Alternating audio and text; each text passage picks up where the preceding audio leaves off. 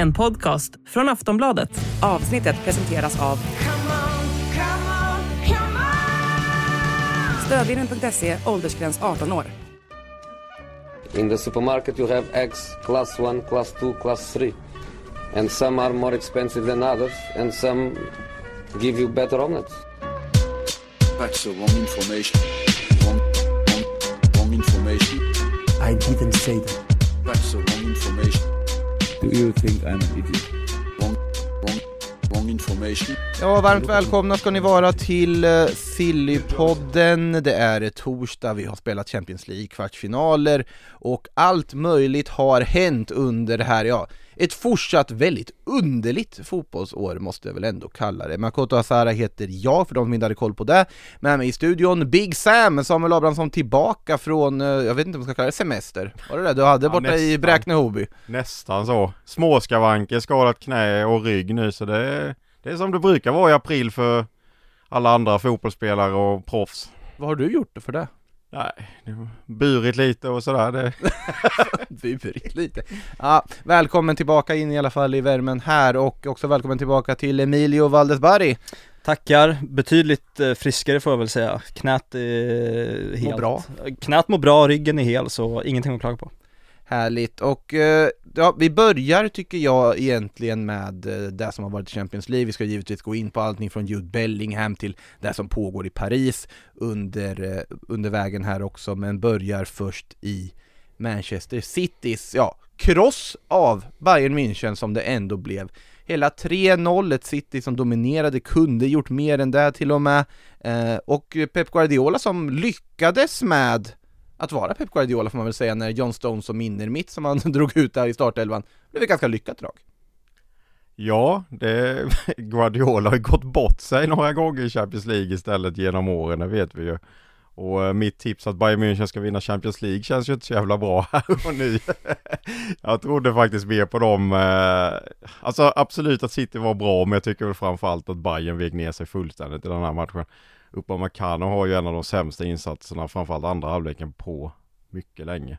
Jag vet inte vad som hände med honom riktigt, för att det var Nej, väl det, efter den här svaga passningen som föranleder 2-0 målet så är det som att han ja, bryts ner psykiskt fullkomligt. Det är ju inte en aktion han gör rätt efter det. nej och alltså det kunde ju blivit ännu mer mål på grund av just hans misstag. Det var något som var supernära där, där han dräller med bollen igen och slår bort enkla passningar och så vidare.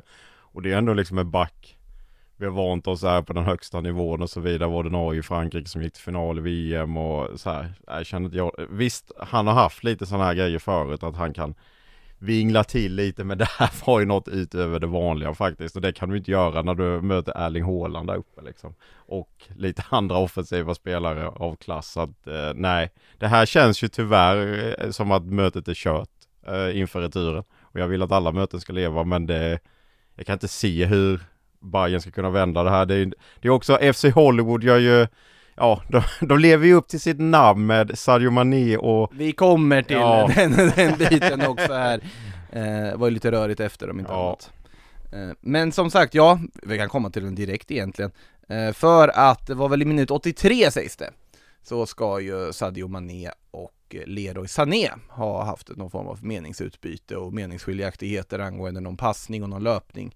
Eh, Den här eh, lilla dispyten fortsätter in i omklädningsrummet där då samstämmiga uppgifter i Tyskland var väl Bild som var först ut med det. Eh, gör gällande att Mané helt enkelt ja, slog Sané. Rakt av, rakt liksom blö, blödande läpp fick Mm. Sané. Eh, och Mané och de här två yttrarna fick liksom separeras av lagkamraterna. Eh, rörigt. Rörigt och eh, jag vet inte, det låter väl som ja, men en trupp som inte är i balans får man väl säga. Eh, helt enkelt som, ja, eh, Samuel sa här, det är FC Hollywood, allt som liksom har kunnat gå fel har ju också gjort det eh, efter eh, att de kickade Nagelsmann och eh, nej, det är Tyvärr, ja, så är det väl kört eh, i det här dubbelmötet. Jag ser inte heller hur man ska vända till München och Eh, ja, först och främst inte släppa in mål mot det här Manchester City. Men sen också göra så många mål som man behöver göra. För det var väl oerhört tydligt hur mycket man saknade den där nian. Eh, till och med liksom Choupo-Moting hade väl gjort under känns det som. Ja, för man valde ju att spela Serge Gnabry i den där rollen då, eller Tuchel valde att göra det. Eh, man fick ju inte riktigt, man skapade väl vissa halvchanser tycker jag ändå. Eh, och jag tror att om man hade fått in en reducering, då hade det här upp, upp, mötet varit ganska öppet Mm. till nästa match. För att jag tror att Bayern kan absolut besegra Manchester City med två mål. Jag tror inte att det är helt avgjort än heller, för jag räknar aldrig bort FC Bayern. Men samtidigt, faktum kvarstår, man gjorde det här draget när man då tar in Thomas Tuchel, kastar Julian Nagelsmann i någon sorts, ja, försök att ge absolut bästa möjliga förutsättningar för att ta trippel. Det var ju CL man gick för, det var ju det som, jag tror inte att man hade någon oro egentligen över att ligaspelet harvade. Det skulle man på något sätt säkert lösa ändå. Men att man kände att nu ska man gå för trippel, nu har man möjligheten, vet hur det gick förra året, det finns massa andra saker att peka på med Nagelsmann styrde i klubben, han var på skidsemester, nu får det vara nog, Tuchel är ledig, måste slå till. Eh, och Tuchel har gjort det förr, komma in mitt i säsongen och vinna CL. Nu har man alltså fyra matcher in på Tuchels gärning i Bayern München, åkt ur tyska kuppen mot Freiburg. Man har, ja, sannolikt och möjligtvis också åkt ur Champions League och det går ju bara att konstatera att det är ett fullkomligt fiasko för Bayern och att egentligen oavsett vad de gör i ligan, Brazzo och Kano de i ledningen, de kan ju inte sitta kvar ännu en vända efter den här missen.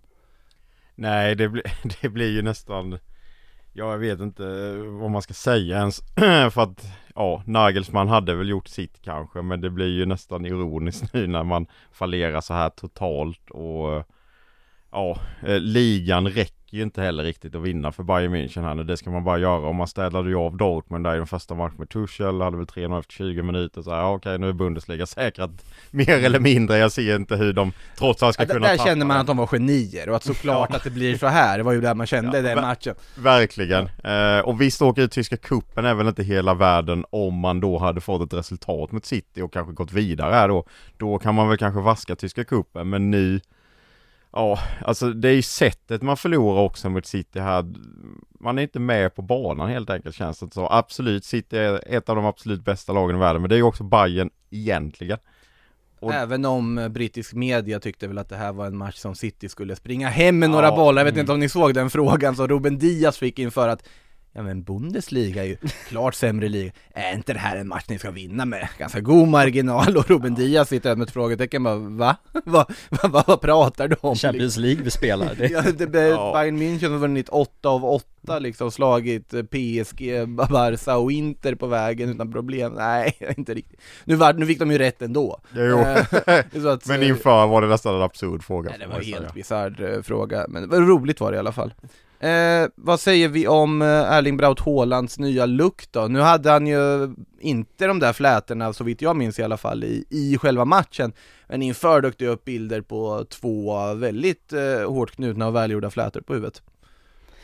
ja, vad, vad ska vi säga? vad ska man säga? Nej men, nej, men det är väl någon form av liksom peak, eh, liksom dagens eh, liksom fotbollskultur kring liksom spelarna. Det, det räcker inte med att göra 100 mål eller vad 17 han ligger på liksom eh, så här långt på säsongen. Man, eh, man behöver det där lilla extra. Det är väl något eh, färdigkritat Nike-kontrakt som ger Det pratas ju om det ja. Ja, och ja, såklart så måste ju stilen hänga med och ja, jag vet inte.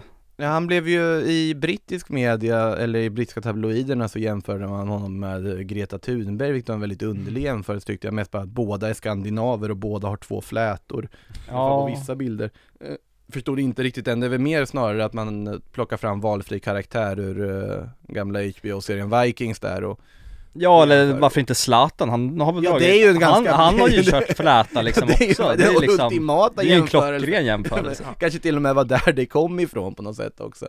Men Eh, 45 mål på 45 matcher nu va? Alla turneringar. Haaland, ja, han gjorde Ja. mål också, det kanske är en Ja, han gjorde ju det, visst. Alltså det, det noterar jag också, det, det var ju snarare inte målet som var det värsta med Haaland i den här matchen, alltså assisten han slår till Bernardo Silvas nick. Mm. Alltså det här är ju en spelare som man kan ju tro att en spelare som öser in mål på det här sättet ska vara Alltså ganska självisk och bara rakt på sak, men det man märker med Haaland tycker jag att han väldigt ofta, även när han kan ta egna skottlägen, söker passningen. För att det är verkligen en spelare som, alltså är en lag, lagspelare ute i fingerspetsen Alltså den bollen han slår till Bernardo Silva är briljant.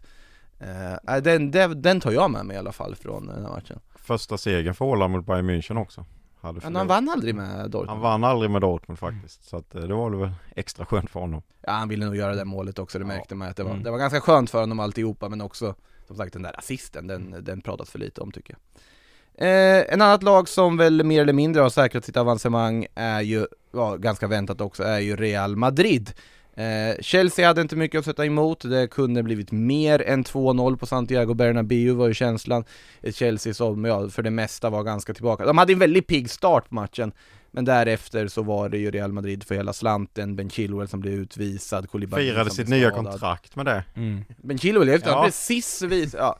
Sen är det så här i det här läget, absolut, ja de hade ju, när de, in, när de behövde ha koll på Vinicius så kunde de inte ha koll på Rodrigo och vice versa samtidigt, så det vart ju man hade ju en väldigt, väldigt jobbig afton i det där eh, försvaret på Bernabéu och det kändes lite förvånansvärt överlägset ändå, alltså absolut, många trodde ju att det här skulle bli matchbilden Men känslan man också får, ja, lätt att sitta här och säga det Men hade inte det här Graham Potter Chelsea gjort det bättre än eh, Frank Lampards dito? Jo, så är det ju. Todd Bowley sa ju innan match också i en intervju till Sky Sports att Chelsea kommer vinna med 3-0 i den här matchen. Men det, kan, det där kan jag känna också att, att han får kritik för det tycker jag lite Nej, jag tyckte bara det var lite kul. Ja. Eh, så, det är ingen kritik egentligen, jag bara tyckte det var kul för att så här, jag När jag såg att Frank Lampard skulle ta över det här laget så kände jag bara varför och nej. Alltså Frank Lampard har jag tyckt länge är en väldigt Ja Han är för dålig tränare helt enkelt, han håller inte. Det är för många storspelare som tror att de också ska vara en stortränare och Steven Gerrard och framförallt Frank Lampard är exempel på att det är inte alls samma sak att vara en bra tränare. Eh, och nu har väl Chelsea, är det fyra eller fem matcher utan mål? Jag tror det är fyra matcher Ja, eh, och liksom Lampard är ju inte känd för att stabilisera upp ett försvar och det var väl ändå, jag menar Chelsea har ändå släppt in, de är väl, ja det är väl bara Arsenal City och, och Newcastle som har släppt in mindre mål i eh, Premier League den här säsongen. Det har ju ändå Potter liksom fått ordning på försvarsspelet, det är ju snarare anfallsspelet där man har gjort rekordlite också. Men nu känns det som att det kommer fallera också totalt. Jag menar matchen mot Wolverhampton i helgen innan var ju en parodi från Chelseas sida liksom. Jag fattar inte ens var, varför man Frank Lampard kör med Kunde kört med vår vän Bruno Saltore istället liksom resten av säsongen för att det här Det är nästan jobbigt att se Chelsea spela fotboll tycker jag. Och det kommer vara det under våren. De ska vara glada att de har så mycket poäng eh, som de har för att annars hade de fan kunnat åka ur alltså. Nej, åka ut!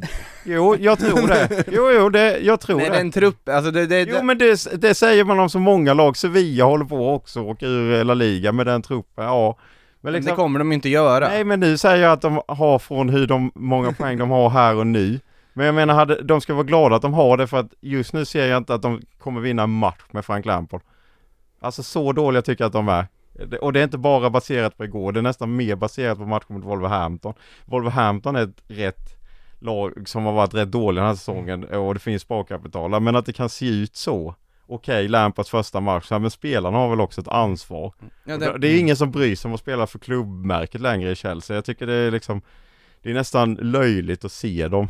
Men det är ju också det här positiva effekten som man ändå får av tränarbytet, den har ju helt uteblivit.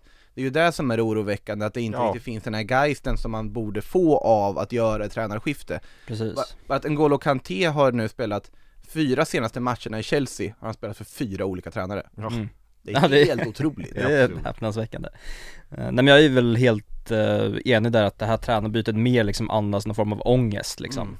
Visst kan man ta in en gammal klubbikon om han inte har liksom kört sitt rykte i botten innan i Chelsea, gjort det dåligt i Everton Mm. också Eh, Så för mig, min känsla är bara att det här är bara, ja men mer som en sten som tynger dem och Ja, Real Madrid borta, visst, det är vad det är, man kan förlora mot Real Madrid borta eh, Men ja, i ligaspelet så såg det ju inte heller alls bra ut. Eh, Så visst, har man, finns, finns det fog för att man ska vara orolig för, för, eh, för Chelsea. Det ska slänga in att det finns en viss asterisk eh, vid det här citatet jag kommer läsa upp snart för att jag har bara sett det i spanska medier från Lampards och presskonferens efter matchen inte sett några engelska medier eller skrivare så att det, inte, det kan vara lite gangstrat så att säga Mm. möjligtvis men han ska ju ha sagt Skjuter från höften. ja, lite, att han, i alla fall att Frank Lampard då ska ha sagt att jag trodde inte, vi trodde inte att Real Madrid skulle vara så här bra det är också så här, vilken sten har du varit under Ja, när det vad- kommer till Champions League-kvällar? det är också, Finns det någon scout liksom eh, verksamhet, kollar man inte på Real Madrid, ja de spöar Barca med 4-0 på Camp Nou liksom eh, Bara sådär i, i princip. Nej men de hann ju förlora i ligan däremellan också, Sant, givetvis. sant, men eh, det är också ett Real Madrid som hela världen vet kan trycka på den där berömda knappen Särskilt i Champions League, Precis. där det spelar ju verkligen ingen roll Mm. om man har åkt ut mot ett division 3-lag i Spanska cupen veckan innan, Mm. man, man kommer vara bra när det väl gäller Ja, när man har kommit så här långt i turneringen så är det Verkligen. ju givetvis så eh, När vi ska slänga in ett litet, eftersom det här ändå är Silly-podden som vi inte får förglömma Att eh, Real Madrid har givetvis kopplat samman med Samuel Chukwueze här i veckan eftersom att Chukwueze var så otroligt bra på Bernabéu senast mot för Villarreal mot Real Madrid enligt Marca. Eh, avdelning Silly-rykte som alla visste skulle komma men som absolut inte kommer att rendera i en övergång på riktigt. Men eh, kul ändå, eh, alla som följer den spanska fotbollen vet ju att Chukwueze, man har ju hela tiden väntat, han har ju de här stunderna Ja. när han blixtrar till liksom Och det här kanske också var bara en av de där blixtarna men han är ju liksom, han har ju någonting mer i sig Eh, Det är ju väldigt underligt har det ju varit egentligen för oss som följer La Liga att se hur Premier League-klubbarna har agerat när det pratar via Real forwards när det är Nico Jackson och eh, Arnaud Danjuma och så vidare, Danjuma som Mm. vi flyttar också som var de som alla klubbar verkar vilja ha. Och så sitter Chukwueze, Jeremy Pino, absolut, de är kanske Mm. mer ytter, yttrar än centralforward. Ja, Gerard Moreno i och för sig Mm. också. Att man, vad, vad är det för, vilka spelare är det ni fokuserar på här? var lite känslan man har fått ibland. Eh, men ja, kul att se Chukwes eh, göra en sån match onekligen. Vet ni vad, jag tänkte att eftersom att vi ändå fastnade i Chelsea så tänker jag faktiskt smyga in lite eh, lyssnarfrågor redan nu kring just Chelsea. För att det är många som undrar kring just Chelsea. Det är en fråga här bland annat, ja vi börjar med första från Gustav Brosell. Vem fan blir tränare för Chelsea skriver han bara kort och gott. Och då menar han ju givetvis i sommaren för nu är det ju Frank Lampard som är där av ja, nostalgiska skäl skulle jag vilja säga, eller för Mm. att vinna lite goodwill och få lite feeling hos eh, supporterna. Jag tycker ju att man ska gå för Luis Enrique, jag tycker man skulle ha gjort det redan nu eftersom man var redo att ta över. Jag vet att alla inte håller med, jag förstår om inte alla håller med. Eh, sen är såklart Julian Nagelsmann borde vara en kandidat också. Vem, vem skulle ni vilja se träna Chelsea? Alltså jag hoppades att du inte skulle säga det så jag slipper liksom hålla med hela tiden men jag tycker också att Luis Enrique hade varit ett perfekt val om det är någon som kan komma in, har liksom, kan sätta sin prägel, vet hur man väcker ett, ett lag liksom. Han, han fick ju Barcelona att pressa som aldrig förr och liksom och faktiskt också kunna liksom, ja, jobba, jobba defensivt. Och det är inte lätt att få Barcelona att faktiskt spela pressspel på Nej. Det är- Nej, det är det som är grejen. Ja. Eh, och eh, att se ja, med honom i Premier League också med liksom de spelarna Mm. som, som finns i Chelsea så tror jag absolut att han också hade fått liksom snabb effekt på, på, på det där laget. Ja, Enrique hade verkligen varit spännande för nu har han ju varit i landslaget i, hur många år blev det egentligen? Fem, sju? Ja det var lite pauser där på grund Ja. av uh, ytterst tråkiga anledningar och så vidare Just det. också för hans del. Eh, Nej men det hade ju varit kul att se honom i ett klubblag igen verkligen men sen mitt utgångstips är att jag tror att det blir Nagelsmann. Mm. Men alltså det är inte kanske att jag tycker att det är bäst men att jag tycker att jag, jag tror helt enkelt att det blir det men eh, Ja, det beror ju mycket på liksom, tänker de att de ska spendera 4 miljarder till i sommar eller känner de att vi har liksom ändå byggt en trupp här nu för jag menar det finns ju kvalitet i truppen. Det är väl snarare att man egentligen skulle behöva börja rensa lite spelare för det är alldeles för Mm. många spelare i den. Det är ju jag menar det är typ 30-35 namn och, i- som vi mot Real här nu och Aubameyang fick inte vara med, Badashil fick inte vara med, Madueke. Alltså de är inte registrerat i CL-spel. Nej. det är nästan Alltså, i, I fallet Badia Chile Madueke fanns det inte så mycket val. Nej absolut. Men, eh, men absolut, det är såklart att det är jätteproblem att de har en så stor trupp och då kommer vi till Grims fråga här. För om Chelsea ska rensa ut spelare, han föreslår Ruben Loftus-Cheek, Raheem Sterling, vilket inte jag tycker man ska sälja kanske, Marco Correa som inte jag heller tycker man ska sälja, Pulisic och så vidare.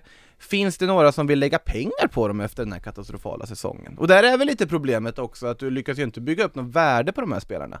Hakim Ziyech som vars övergång kraschade i vinterfönstret där han skulle Mm. låna ut dem till Paris Absolut, han tog väldigt underligt in i en startelva några matcher där och sen så spelade han bort sig själv från den eller ja, bråkade sig bort ur den kanske, med, rättare sagt med kort och allt vad det var eh, men, Ja, jag tror ju ändå att man borde kunna få lite pengar för till exempel Ziyech, Pulisic. De är inte så gamla, eller, eller ja, Pulisic är inte det i alla fall. Ziyech är fan äldre än vad man tror. Ja, det är svårt att få någon alltså, direkt transfersumma som, som gör det, då Ja. är det ju lånet. Det är ju Mm. därför att du Ja. måste ju också vara klubbar som tycker de här spelarna är så pass bra att de går in för att kunna betala för dem. Mm. Dessvärre så tänker man ju direkt på klubbar som Milan, Inter och så vidare, som inte har pengar att betala. Och då ska vi också komma ihåg att Nkunku är redan klar. Han ska in i det här lagbygget. Joao Felix, Vill ju- de köpa loss? Ja precis, jag skulle säga det. De, han vill de ju ändå ha kvar och det kan jag ändå förstå för att jag tycker ändå han har varit en av de få bra spelarna liksom ändå visat upp tendenser. Sen är inte han någon liksom eh, nia som öser in mål. Det, det är väl det de kanske verkat ha trott lite men det är han ju inte. Eh, men sen Ja, alltså Loftus Cheek borde väl ändå kunna kanske locka lite intresse från säg Aston Villa, Everton eller typ mittenklubbar i PL liksom. Han är engelsman, brukade få upp priset lite. Sen är det väl så här för Chelsea handlar det kanske inte så mycket att få så mycket pengar för att det känns som att Bowley skit i om han får pengar lite för att ha så mycket då. Utan det är väl mer att bli av med just namn så här. Jag menar Aubameyang, det är ju ingen som blir glad av att ha honom i truppen för att jag tror bara han är ett störande moment precis som det var i Arsenal. Det är inte lika illa. Var inte han du i Barcelonas omklädningsrum nyligen? Ja, jo jag såg det liksom. Det säger väl en del liksom så här. Vad fan. Alltså, Hjälte. ja det, det ser ju inte bra ut med det här liksom. Nej, han, alltså, han, han gör ju sitt för att, för att få lämna verkar det ju som också. Ja, ja, men nej det är inte jättemånga spelare man kan få jättemycket pengar för då får du ju typ så här sälja en sån som Armando Brocha till exempel. Det tycker jag inte man bör göra men det är ändå så här det är den typen av spelare du kan få pengar för han är liksom, nu är han långtidsskadad men det är liksom mer profilen, åldern och så vidare. Men här är det viktigt också, jag hoppas inte att de tänker att ja, men han Levi Colwill har varit duktig borta på lå- Han säljer vi av för att få in pengar. Det är ju sådana spelare som man ska satsat på från Mm, början, det är vad jag tycker i alla fall. Eh, men det är ju mycket som behöver eh, rensas ut där, det råder ju ingen snack om saken. Eh, vi, kom, vi tar lite fler lyssnarfrågor senare i eh, avsnittet, eller ja, vi kan ta den här från Hugo Hellberg också.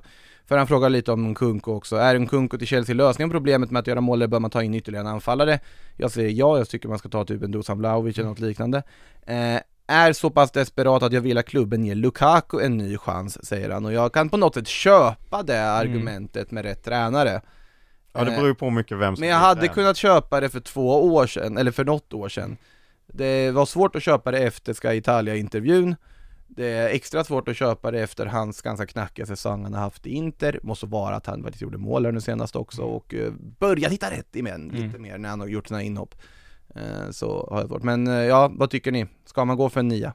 Ja, ja, Nkunku är väl lite mer av den här liksom släpande Mm. typ Kai Havertz i liksom rollen han har på plan eh, Även om han såklart är liksom kvickare och allt det där eh, Så ja, absolut, jag tycker de behöver en, en, ja, men en, re, en ren striker liksom Ja, sen eh, blir det ju väldigt mycket vem det ska bli i så fall beroende på vilken tränare som kommer in.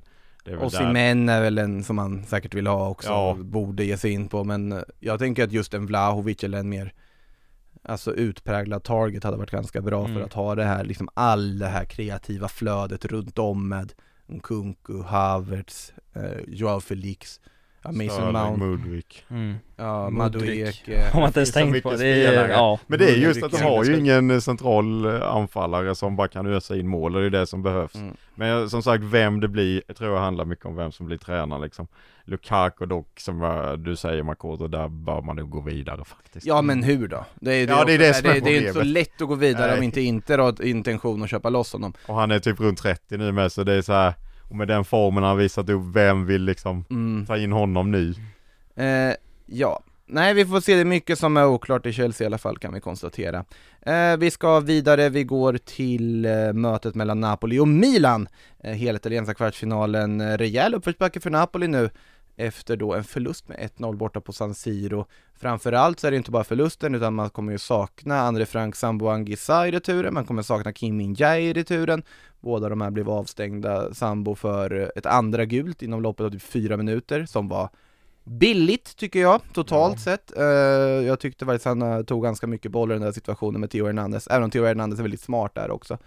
Uh, Kim, Kim Min-Jae gestikulerar lite för vilt, fick ett gult, och hade två gula sen tidigare i turneringen. onödigt Onödigt, kategori onödigt ja. Mm. Ja, verkligen. Eh, Men det som framförallt slog sen av Napoli är ju hur mycket de saknar eh, Osimhen på topp. För eh, senaste gången de mötte Milan när de förlorade med 4-0 hemma, då var det Giovanni Simeone som fick chansen på topp. Eh, absolut, det, kanske det bästa alternativet tycker jag av de som finns tillgängliga för att få någon form av alltså närvaro i boxen. Raspadori var det istället som fick chansen när man mötte Lecce i ligan och nu var det istället då Elgif Elmas i en falsk nia-roll. Eh, men de, alltså ja, Kvartskelia gör sina gubbar, eh, Sambo gick omkring och var, var Sambo fram tills han blev utvisad, det vill säga briljant, jag tycker underbar spelare. Eh, men, eh, nej det vill sig inte för Napoli där och de funkar inte utan sin eh, anfallstalisman på topp. Nej, och det är väl inte jättekonstigt. Nej, det- Vad, alltså det får man, man, man är beroende av, av spelaren Mm. som gör allra flest mål i laget. Han har väl gjort väl sådär, vad kan det gjort, 23 mål på de senaste 26, 27, 28 21 matcherna på liksom. 23 ligamatcher, 4 på 5 CL tror jag det är. Ja, och det plockar man bort det Ja, och så slänger du in den liksom Elmas i liksom någon form av ny roll som laget ja, inte spelar med liksom vanligtvis. Då, då kommer det se knackigt ut. Då kommer såklart målen inte att komma per automatik som det brukar göra med Osimhen. Nu ska han väl vara dock tillbaka till returen Spalletti 100 procent Ja.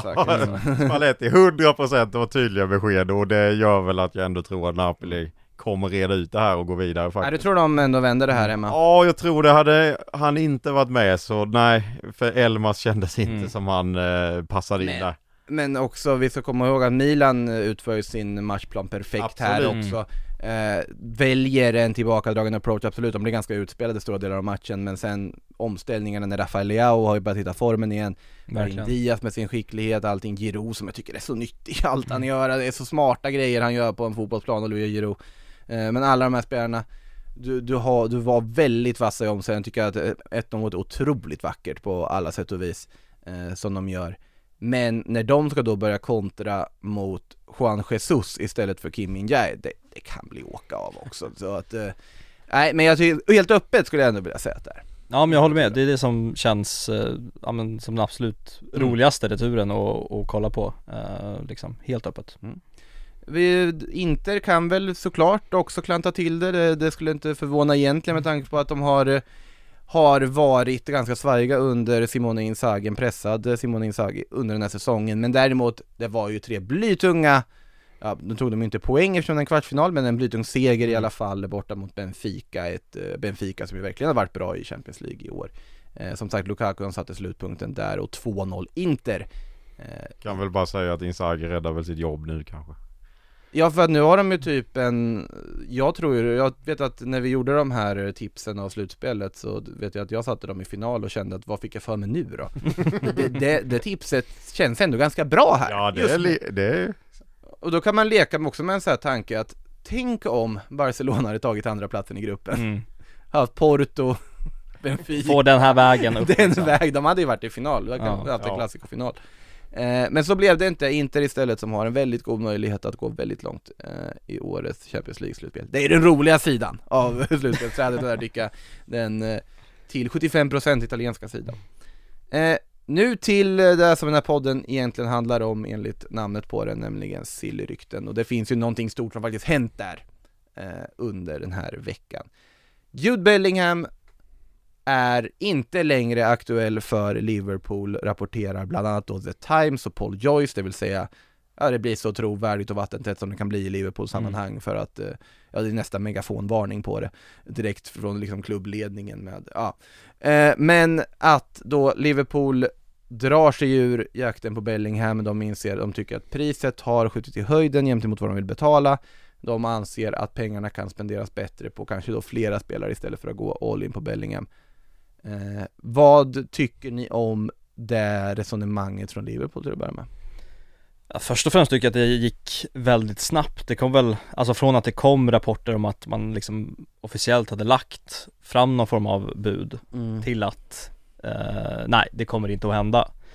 Eh, jag, jag tycker ju om när man lägger mycket pengar på en spelare eh, och Jude Bellingham, ah, man ska väl inte, ingen spelare är hundraprocentigt en garanti, Mm. men mycket, mycket, mycket talar ju för att han skulle göra det väldigt, väldigt bra i Premier League, i Liverpool. Eh, Så eh, jag hade ju, hade jag haft någon, har jag Liverpool-hatten på mig så hade jag hellre sett att man plockar in eh, Jude Bellingham än att man skulle sprida ut det på tre, fyra andra spelare. Mm. Ja för de blir ju troligtvis sämre. Får vi väl ändå utgå ifrån. Mm. Att det, det kommer inte vara dåliga spelare men det är ju inte Det kommer inte vara på den riktigt översta hyllan nu. Utan det kommer väl landa i typ Kanske Martinus Nunez och Gjorde han dock ett fantastiskt mål i helgen så vi ska inte Alltså han är jättebra spelare Mm. men inte på Bellingham nivå liksom Jag blev väl ändå förvånad också för jag tycker väl också att Bellingham hade mer kunnat Transformerat och ändra deras mittfält På egen hand på ett sätt som nästan ingen annan spelare Kan här och nu Mm. Eh, sen har jag ändå sagt hela tiden att jag tror att han går till Real så att de kanske också har fått indikationer att slaget är förlorat. Alltså någonstans, det, Det vet ju- vi inte. Det är ju där man får känslan, för jag kan ju förstå Liverpool-fansens frustration när det här är en spelare som man ändå på något sätt Jakten på honom har ju varit det som präglat de senaste fönstren Du har valt att inte ta in någon för du har väntat på Bellingham Du har valt att inte välja plan B eller plan C För att du vill ha Bellingham och att allt har lagts in, du har ju jobbat liksom Trent Alexander-Arnold och Jordan Henderson la ju mer tid på agentarbete för Liverpool än på att spela fotboll under, under, under VM senast det, det är mycket jobb som har lagts bakom och det är mycket viljor som velat få Jude Bellingham till Liverpool. Och framförallt också när Bildt då dagen efter följer upp med uppgifter om att jo då, Bellinghams enda prioritet när han ska välja sin nästa klubb är tradition, historia, eh, alltså klubbmärket, Mm. vad det står för, vilken liksom vikt det har snarare än de ekonomiska aspekterna. Vilket mer eller mindre då plockar bort ja, sportswashing-projekten, City, PSG, Chelsea till viss del. Mm. Så att det, och då, då är ju Liverpool där, men det måste ju vara så att de måste ha fått någon indikation på att Nummer ett, det kanske blir för dyrt, och det, men det, det ska de ju vara redo att betala på något sätt kan jag Mm. känna Det ska de vara redo i det här läget, en sån spelare är redo att betala ett överpris för, framförallt i en position de verkligen behöver förstärka Men då framförallt kanske indikationen på att det är inte Liverpool han kommer välja för att de har ingen Champions League-spel att erbjuda. Och där tror jag är en väldig aspekt som gör att Bellingham kanske inte väljer Liverpool för att han kommer gå till en CL-klubb, det är jag övertygad om, om han flyttar. Och då är vi ju i ett läge där det i princip bara är Real Madrid kvar. Mm. Manchester United möjligtvis, som, jag inte helt, som verkar inte ha gett upp hoppet heller. Men i sånt fall så är det ju ett sundhetstecken av Liverpool att redan nu klargöra, nej Förvänta dig inte Bellingham, det kommer inte bli en lång transfersaga den här sommaren. Man kommer fokusera på andra namn och jobba för det istället för att inte hamna i samma sits igen. Eh, Och inte sitta med någonting. Så att på så sätt kan det vara ett sundhetstecken, men såklart att det är Det är förståelig frustration hos Liverpool-fansen tror jag, här och nu. Ja, alltså jag fattar verkligen om de är, är besvikna för att de har väl ändå tänkt och och liksom så här, När man ser nästa säsong att Bellingham hade som jag var inne på innan, han hade ju kunnat förändra Liverpools mittfält på egen hand. Och de behöver verkligen göra rätt mycket där. Jordan Henderson tycker jag inte håller riktigt. Keita kommer lämna. Eh, Fabinho har, inte, har vi inte känt igen och så vidare. Det behövs ju liksom någon stor kanon där in på det här mittfältet. För det är ju ett av stora problemen varför de har gått så knackigt den här säsongen. Och då liksom Att tillåta sig någonstans att nej men vi går på Det blir ju ändå någonstans att Du nämnde ju det Makot att ni tillåter dem ändå sig någonstans att välja plan B då ju den här gången Mhm. För jag tror ändå att Bellingham hela tiden har valt plan A som du Ja. sa de har, Man har valt i flera fönster att nej men vi vi, vi har liksom siktet inställt 2023 sommaren, då blir det Bellingham. Nu blir det ändå inte det. Eh, om det inte blir en sen vändning. Man ska aldrig räkna ut någonting. Men jag tror inte Sen, det. sen hade nog aldrig Liverpool räknat med att de skulle sitta i ett läge där de inte har erbjuda. Absolut. Det är ju det som också gör en aspekt Absolut. i det De var ju den stora utmanaren till City inför säsongen enligt Mm. alla experter. Nu ligger de åtta liksom, 12 poäng från. CL-plats. Jag ser inte riktigt att de kommer lösa det för Newcastle United. För ja, det, det mesta Mm. talar för att de inte kommer ta CL Ja, i alla fall, även om eh, såklart matematiska möjligheten finns Absolut. Eh, Men då blir det väldigt intressant att se vilka spelare man kommer gå för istället. Jag tror man kommer gå rätt hårt för nämnde Nunez innan. eh, Som man ändå pratas mycket om i januari. ja, Också, säg att man betalar då 80 miljoner pund för Moises Caicedo Ja det är Det också är inte helt otänkbart, men är det Nej. inte riktigt samma, är det inte fortfarande för dyrt? Du måste ju också Sen har vi väga De- Declan Rice också som många, där ligger väl Arsenal i Ah, förarsätet mm. enligt många men Caicedo har ju också ryktats mycket till Arsenal och så vidare men Sen ska United ha in någonting nytt såklart. Eh, vi vet inte vad, eller om blir Chelsea ska väl ha en eller två mittfältare Ja, till, att, eh, City vill ju ha någon, det ska vi komma ihåg också, de är ju verkligen ute efter mittfältare Och Nunez som jag nämnde då, han kommer inte heller bli billig. Det blir 60-70 Mm. miljoner pund där också. Alltså det är kanske hälften av Bellingham Mm. kostar men det är fortfarande inte Ja, billigt. lite billigare tror Ja, jag. lite men, billigare, men, men, ä- eh, ändå fortfarande en ansenlig summa. Ja, men ja, det blir väldigt intressant att se vad de går efter. Eh, för att de måste ha in mittfältare. De får väl köpa hela Brightons mittfält Ja. på, på ett bräde liksom. McAllister också, kopplat- Ja, det, de ska ju hitta nya adresser men det, man hade ju velat se någon form av så här Lex eh, van Dijk liksom att, ja men vi behöver något i försvaret. Kosta vad det kosta vill, vi lägger, vad det nu var, 800-850 miljoner på På en mittback som vi vet håller i Premier League. Eh, Det blev jättebra. Nu behöver man ju någonstans få in samma typ av liksom frisk luft på det här mittfältet eh, Och eh, ja, nej men det, det blir jättespännande att se vilka, vilka som är de här plan B och C Hur lång tid ger vi, ja Nicolo Barella har du pratat om bland annat, det Ja, finns ju också där. Det, det hade ju varit väldigt bra värvning tycker jag. Eh, Men hur lång tid, och som hade varit billigare också. mm. Hur lång tid ger vi innan det kommer uppgifter om att Liverpool vill försöka matcha Chelsea om Gavi då? Det är inte otänkbart heller. Eh, Det hade varit ganska logiskt där med. Verkligen Eh, vi ska till Paris, för där blåser det kallt, det stormar rejält. Och det gör det för ganska oväntade anledningar måste man ändå säga, för det här kommer ju mer eller mindre från ingenstans uppgifterna om Christophe Galtier. Högst oroväckande uppgifter man säga då han i en rad läckta mejl anklagas för, ja, kort och gott att vara en rasist mm. att han ska ha fört ett rasistiskt styre under sin tid i Nice 2021 till 2022 eh, där han bland annat ska ha pratat otroligt nedvärderande om eh, muslimska spelare och mörkhyade spelare Mm. i, i klubben. Eh, extremt eh, alltså, otäcka och oroväckande uppgifter. Galtier själv har via sina advokater dementerat det här kraftigt men också det som har sagts från Nice håll eh, lämnar ju väldigt många frågetecken som ja, är inte uträtade så att säga när man gör en utlåning att situationen hanterades med största allvar när det skedde, klubben kommer inte kommentera ytterligare. Eh, och även tränaren då Didier Digard som eh, väl var, om jag inte minns helt fel här nu, reservlagstränare under tiden som Galtier var där, eh, numera då huvudtränare i klubben, sa ju det också på en presskonferens här att klubben har gjort ett utlåtande, vi kommer inte addera något mer, det finns två motsatta versioner, men sanningen kommer komma fram. Mm. Eh, det var inte det här jag trodde skulle kunna bli Christophe Galtiers fall i Paris. Det kan man ju lugnt konstatera.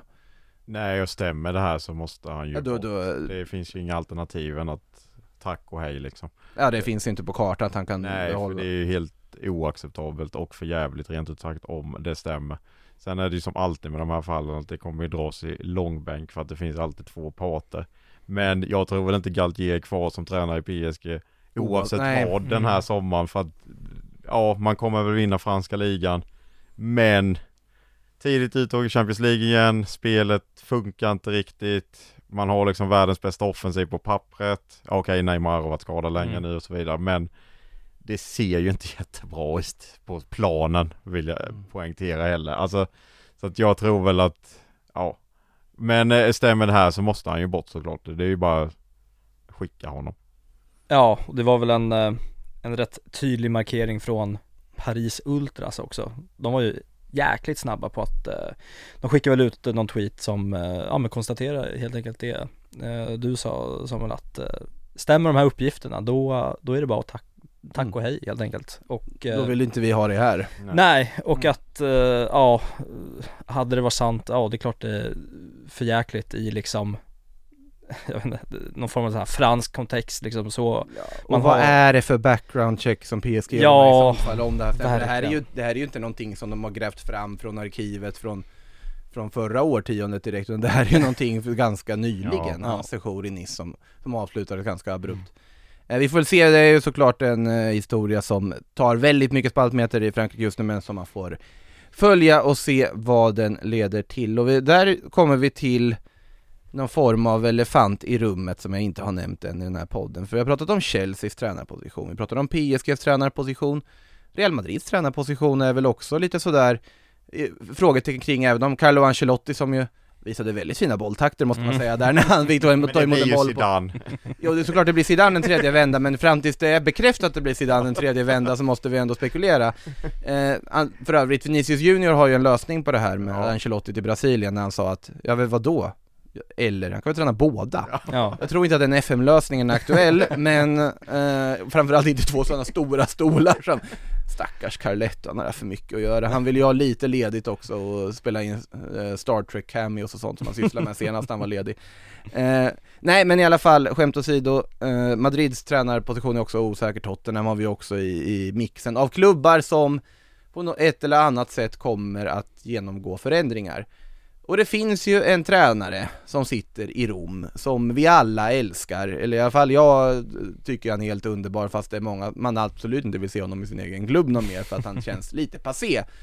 Och det är ju vår vän José Mourinho, the special one. Eh, Foot Mercato som kom med uppgifter om att han är väldigt öppen för att återvända till ännu en toppklubb, eh, och givetvis är Roma en toppklubb också, men ännu ett snäpp då till en annat land. Eh, och att han väntar på Chelseas samtal, och det har funnits lite uppgifter om att Chelsea ändå har funderat i de banorna. Eh, och att man ska ringa Mourinho för en tredje vända, och om så skulle bli skulle Mourinho bara säga rakt av, pusha för att han ska dit. Roma verkar också vara öppna för att släppa någon, så skulle bli fallet. PSG, samma sak. Real Madrid, det, vi ska komma ihåg att det var Florentino Perez första val innan han tog Carlo Ancelotti Mm. senast. Att ta Mourinho en andra vända. Kan det hända?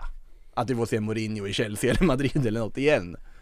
Ja alltså Mourinho i Chelsea, ja, Bowley är väl det känns som att han är sugen på att, ja men se vad liksom the special one som han har hört talas om, vad han går för liksom. Ja precis, vad, är det här? Ja, han, han, han är liksom, det är, det är som en, det är som en liksom eh, leksak som, som skiner liksom högst uppe på hyllan som han Någon vill, som är på väggarna istället för Bridge. Ja. Så här, någon ikon. Vad vem är den här Ja. killen egentligen? Och så Han borde vill- jag testa. Who- Who's this guy? Ja. Så, så han berättat för sig, ja det är Jose Mourinho. ja, Jaha.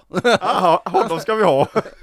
såklart, the Han- special one, gå, Ja. gå liksom bra branda liksom, ja men verkligen Jag hade blivit jätteglad så se Mourinho. Alltså det hade ju varit jättekul men få Chelseas bästa så Det är såklart de inte ska gå för det här eh, och jag, jag tror inte det blir det här Nej heller. men det är klart som fan det hade piggat upp jättemycket. Det, alltså Mourinho. Och sen så här, han har gjort jättebra i Roma så jag tycker det är lite så här trist Ja, han har gjort det jättebra i Roma. Ja om han väljer, för jag menar de ligger ändå på Champions League-plats nu och så här och de har, li- ligger väl trea just nu. Så högt har de inte varit på några år nu. Nej, Så jag menar så här, Han tog dem till en trofé. Ja precis, och de är kvar i. Europa League nu också så jag menar eh, Fan han har väl det rätt bra i Rom också, jag menar att han ja, Jag tycker det är lite synd om han lämnar ja, men han, han ska väl vara trött på att han inte får allt han, han pekar på liksom Han, Han är i Serie A. Det Ja. finns inte så många klubbar där som du får allting du pekar Nej, på. dessvärre. verkligen Eh, tyvärr, men ja det hade varit spännande att se Mourinho en andra vända. Då är ju Chelsea någon form av drömdestination eh, med Att liksom, han får göra en tredje vända med den här Ja, och att. Bowley kan backa upp honom ekonomiskt Är det liksom någon kvar sen dess?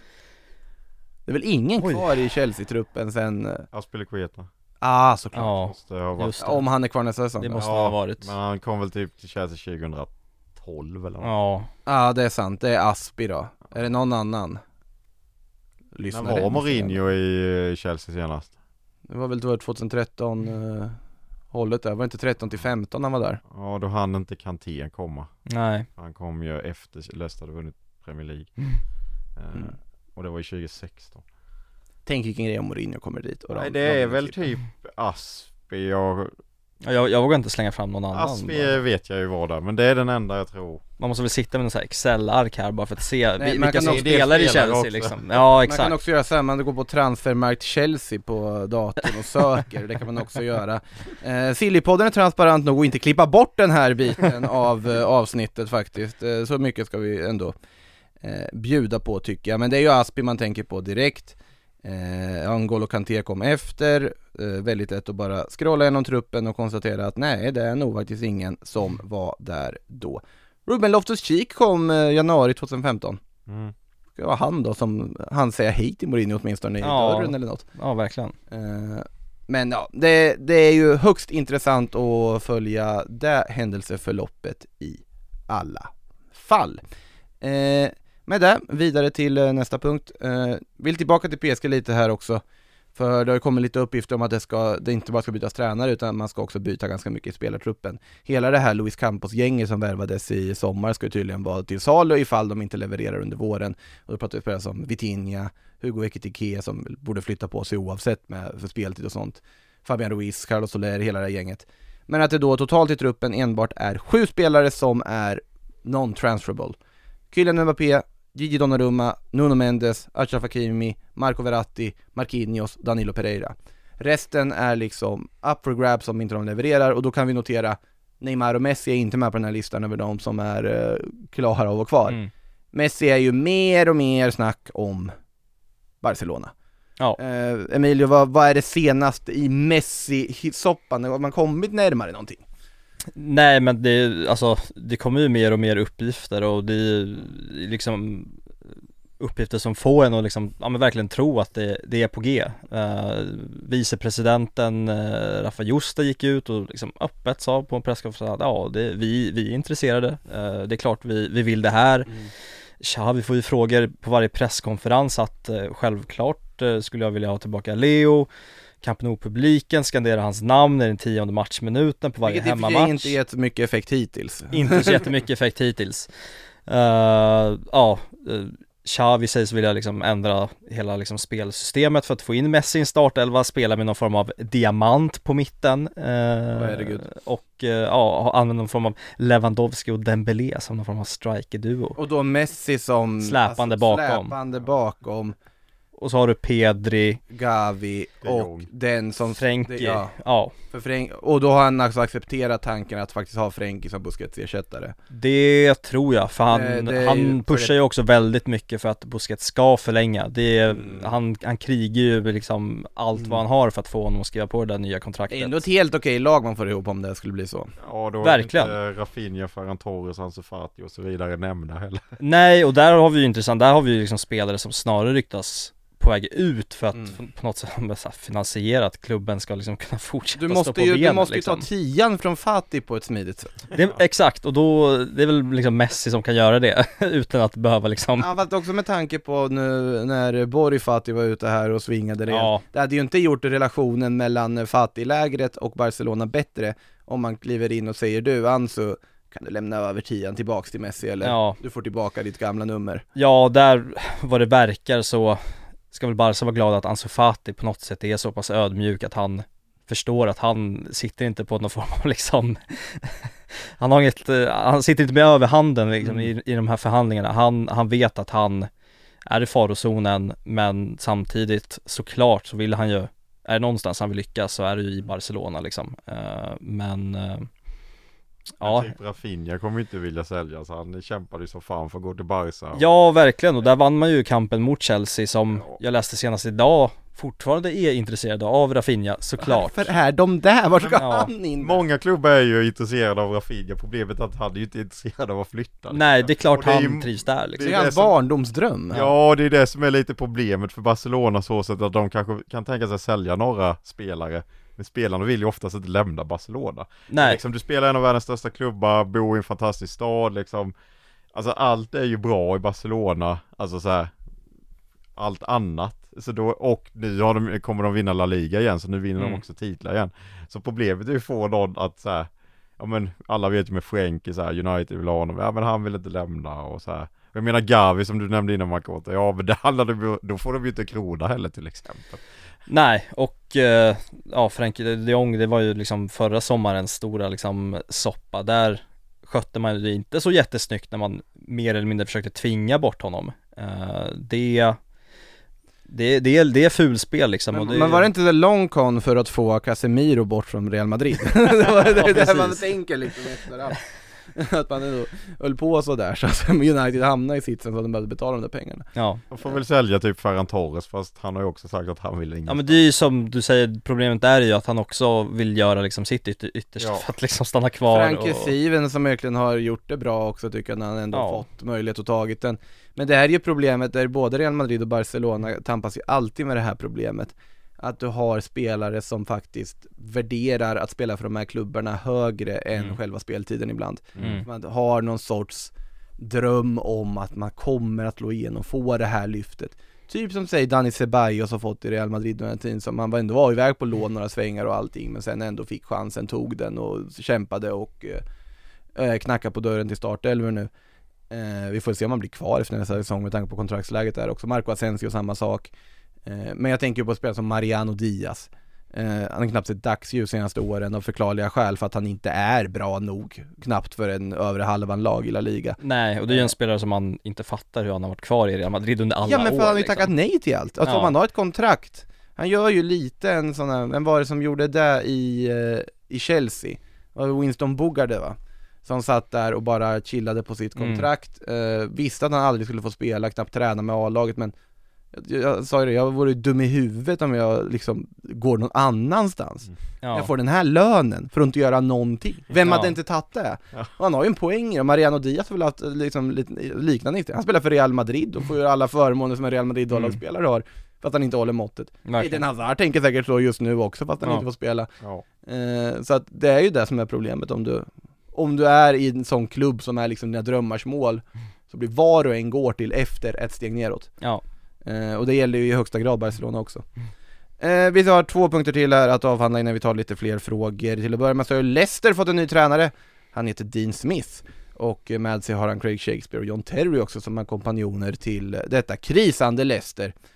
Ja, det är väl, det väl- det är väl en, det är väl en okej En lö- axelryckning. Ja men det är väl en okej lösning eller? Ja, Alltså, det Ja. snackades ju mycket om Jesse March men det sket ju sådär av ja det gjorde det igen Igen, ja det var ju typ klart med SA 15 och sen blev det inget där och det skete sig med Leicester och Ja, alltså Dean Smith det är väl liksom en habil tränare men eh, Bra team runt sig tycker jag Ja, alltså sen eh, Jag vet inte om det Leicester ligger faktiskt riktigt eh, pyt till nu Mm. och, och de, han sa att ja vi behöver få in tro och, så här i den här truppen. Nu sa han och så möter man City borta på lördag. Ja. liksom. Det är inte kanske den bästa starten. Jag vet inte Nej, det, feltrött City. Ja kanske, det är väl det som är inte hoppet. otänkbart att Leicester knipa en poäng där, Nej, alltså det- en liten Det finns ju bra Mm. spelare med framförallt James Madison, Harvey Barnes, Jure Tillman skadad visserligen. Men det finns ju bra spelare Problemet är att man släpper in så förbannat mycket mål. Mm. och det är ju där han måste sätta ett försvarsspel nu Och också bestämma vem ska satsa på i mål. För nu har ju danska Daniel Livesen fått spela istället för Danny Ward. Vem väljer han? Ja det, finns det någon tredje aktör man kan slänga in Ja, i sammanhanget kanske som får spela istället? Nej det, vi får se hur det blir med Dean Smith, mer om det såklart i Premier League-podden eh, nästa vecka. Eh, Och sen är det också officiellt nu att eh, Daichi Kamada lämnar Eintracht Frankfurt Eh, den japanske offensive mittfältaren som kopplats fritt samman med många klubbar inför hans kontraktslut. Nu står det klart att han lämnar Eintracht i alla fall. Eh, Tydligt från Kamada och tydligt i pressmeddelandet från Eintracht att eh, de inte riktigt såg på samma sätt kring hans framtid. Eh, Kamada som vill ta nästa steg, pratas om Borussia Dortmund bland annat, pratas lite om Barcelona. Eh, Men även också klubbar som AC Milan och annat. Och ja, det är ju en jättespännande spelare för den klubb som tar in honom. Visat att han håller de stora matcherna, gjort mycket mål i Europa och så vidare verkligen.